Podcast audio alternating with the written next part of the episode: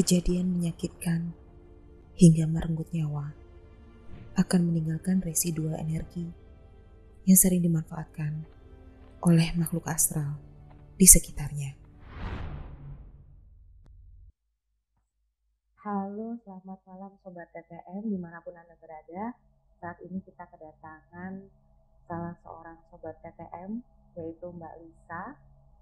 Dia memiliki um, beberapa cerita yang selalu mengganggu pikirannya selama ini.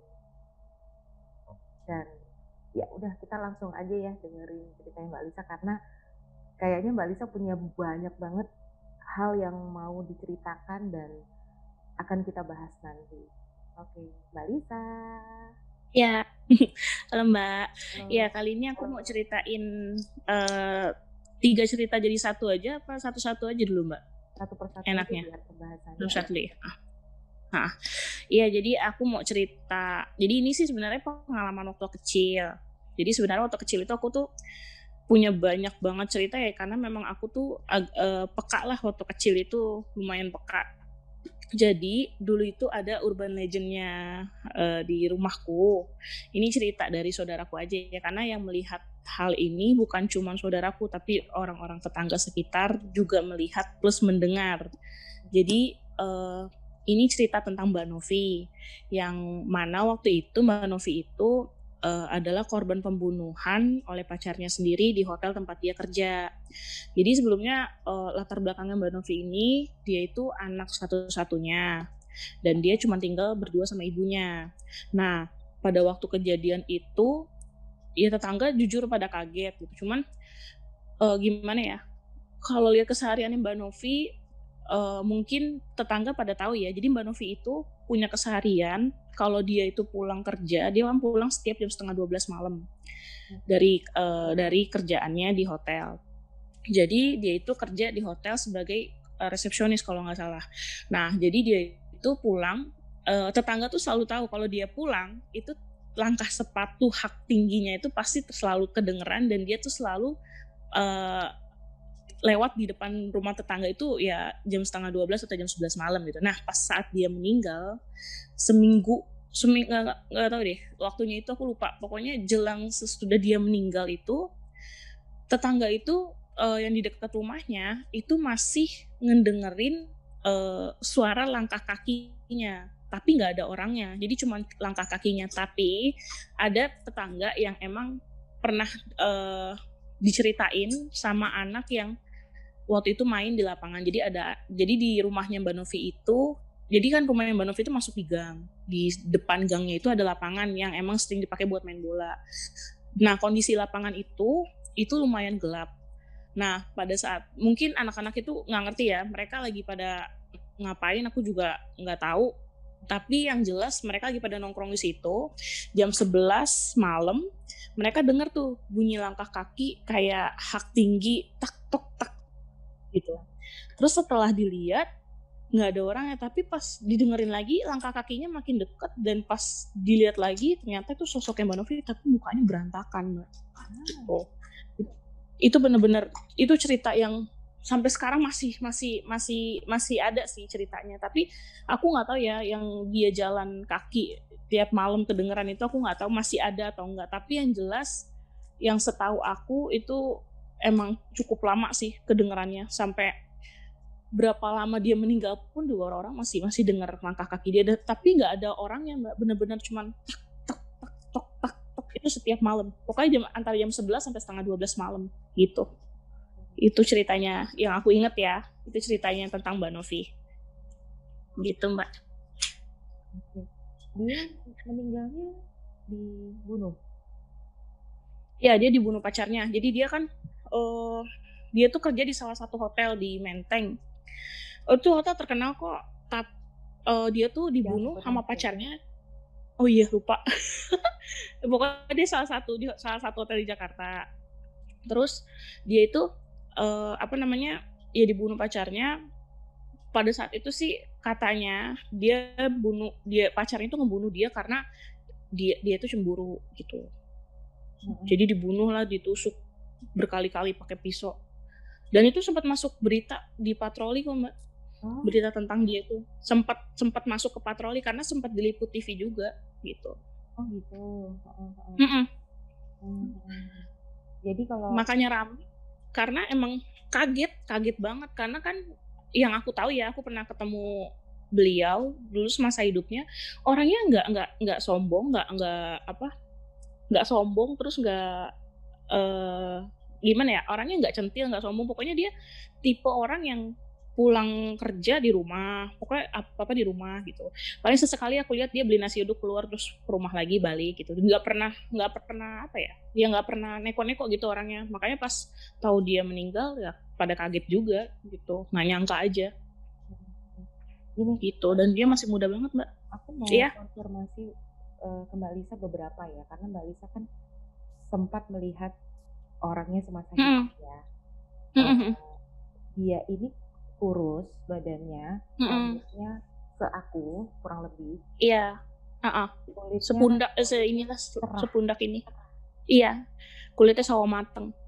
Sawo mateng tapi bersih gitu ya. Kalau enggak uh, kalau sawo mateng itu dari pikiranku tuh kalau kulit sawo mateng itu kan gelap kan. Tapi kalau dia tuh hmm. tuh cerah gitu. Iya betul. Heeh, ya memang Orangnya bersih kulit. Mhm, kulitnya bersih maksudnya, kulitnya bersih.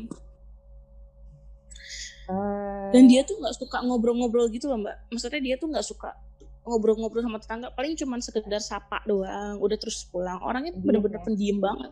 Uh, Nah ini, aduh, mohon maaf banget, mohon maaf banget. Hmm, ini berdasarkan apa yang aku lihat aja ya, gitu.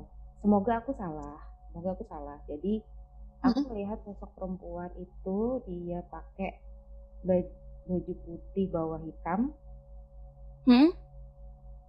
cuman aku nggak lihat sampai kakinya jadi aku lihat hanya sebatas pinggul. Pinggul ke bawah nggak ada itu yang aku lihat ya, ya diri pandanganku. Uh, dia sambil mengelus perutnya mbak Risa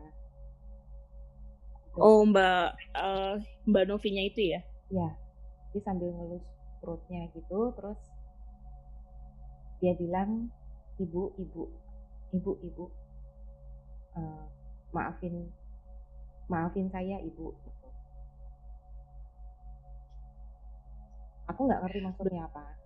Cuman berarti bisa jadi dalam mungkin dia hamil atau gimana terus mungkin pacar aku sih nerkanya gini mbak. Mungkin dia hamil terus pacarnya itu mungkin nggak percaya kalau dia hamil. Terus nuduh dia kalau dia itu selingkuh. Hmm. kayaknya terus akhirnya dibunuh. Iya kemungkinan ya. Karena kan kalau motif yang diketahui orang kan cemburu ya. Mm-hmm. mungkin ada mungkin dari pihak laki-lakinya ada pikiran bahwa uh, korban ini dia sempat menjalin hubungan dengan orang lain gitu. Hmm. apalagi sampai ya mudah-mudahan aku salah lah gitu karena hmm. biasanya kalau kalau aku lihat ada sosok itu mengelus perut itu eh, konotasinya dia berbadan dua tuh ada bayi di dalamnya gitu ya tapi ya. maksud berarti udah berbentuk janin ya? Maksudku pada saat itu berarti udah berben, udah bernya udah udah bernyawa dong ya janinnya. Kalau misalkan dia memang terus ada nempel di belum, di belum maksud tentu. Em, belum tentu ya? Belum tentu. Karena bisa jadi itu baru satu bulan atau satu bulan lebih antara satu dua bulan lah. Tapi kan maksudnya orang kita perempuan kan pasti udah tahu gitu loh. Kalau kita isi kan hmm. dengan tes pack pun sudah ketahuan yeah. garisnya ada dua gitu. Nah yeah. sebelum sebelum perutnya membuncit mungkin uh, si korban ingin minta pertanggungjawaban dari laki-laki itu gitu. Yeah. Iya itu sih kalau yang aku tangkap. Padahal mereka pacarannya lama loh mbak. Maksudnya aku juga tahu kan silsilahnya dari keluarga dari tetangganya teman apa tetanggaku gitu. Tetanggaku kebetulan deket banget rumahnya sama rumah dia sama aku nih. Jadi dia cerita cerita jadi emang itu cowok sering nganterin pulang tapi kadang-kadang cuma sampai di ujung gang. Nanti dia jalan sendiri ke dalam rumah ke dalam gangnya itu. Hmm. setiap setiap hari udah berapa tahunan ya aku lupa deh. Pokoknya yang jelas udah tahunan lah mereka acaranya oh gitu. rambutnya keriting nggak sih? Aku belum pernah lihat kalau cowoknya jujur oh. aja aku belum pernah lihat. Soalnya kan itu kan dia suka nganterin itu kan uh, malam malam terus dan itu cuma di ujung gang doang sedangkan rumahku di ujungnya juga jadi ujung sama ujung gitu loh mbak oh. dia aku nggak pernah tahu gitu yang yang tahu itu sih tanggal tuh kalau ciri cirinya gitu.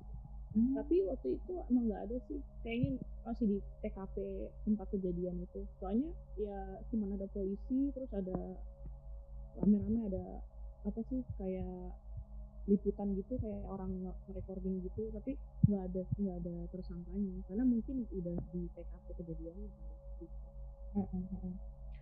Sorry mbak Lisa itu suaranya mendem loh. Kayaknya ketutup kayaknya ketutupan udah jelas belum mbak? Ah ini baru jelas.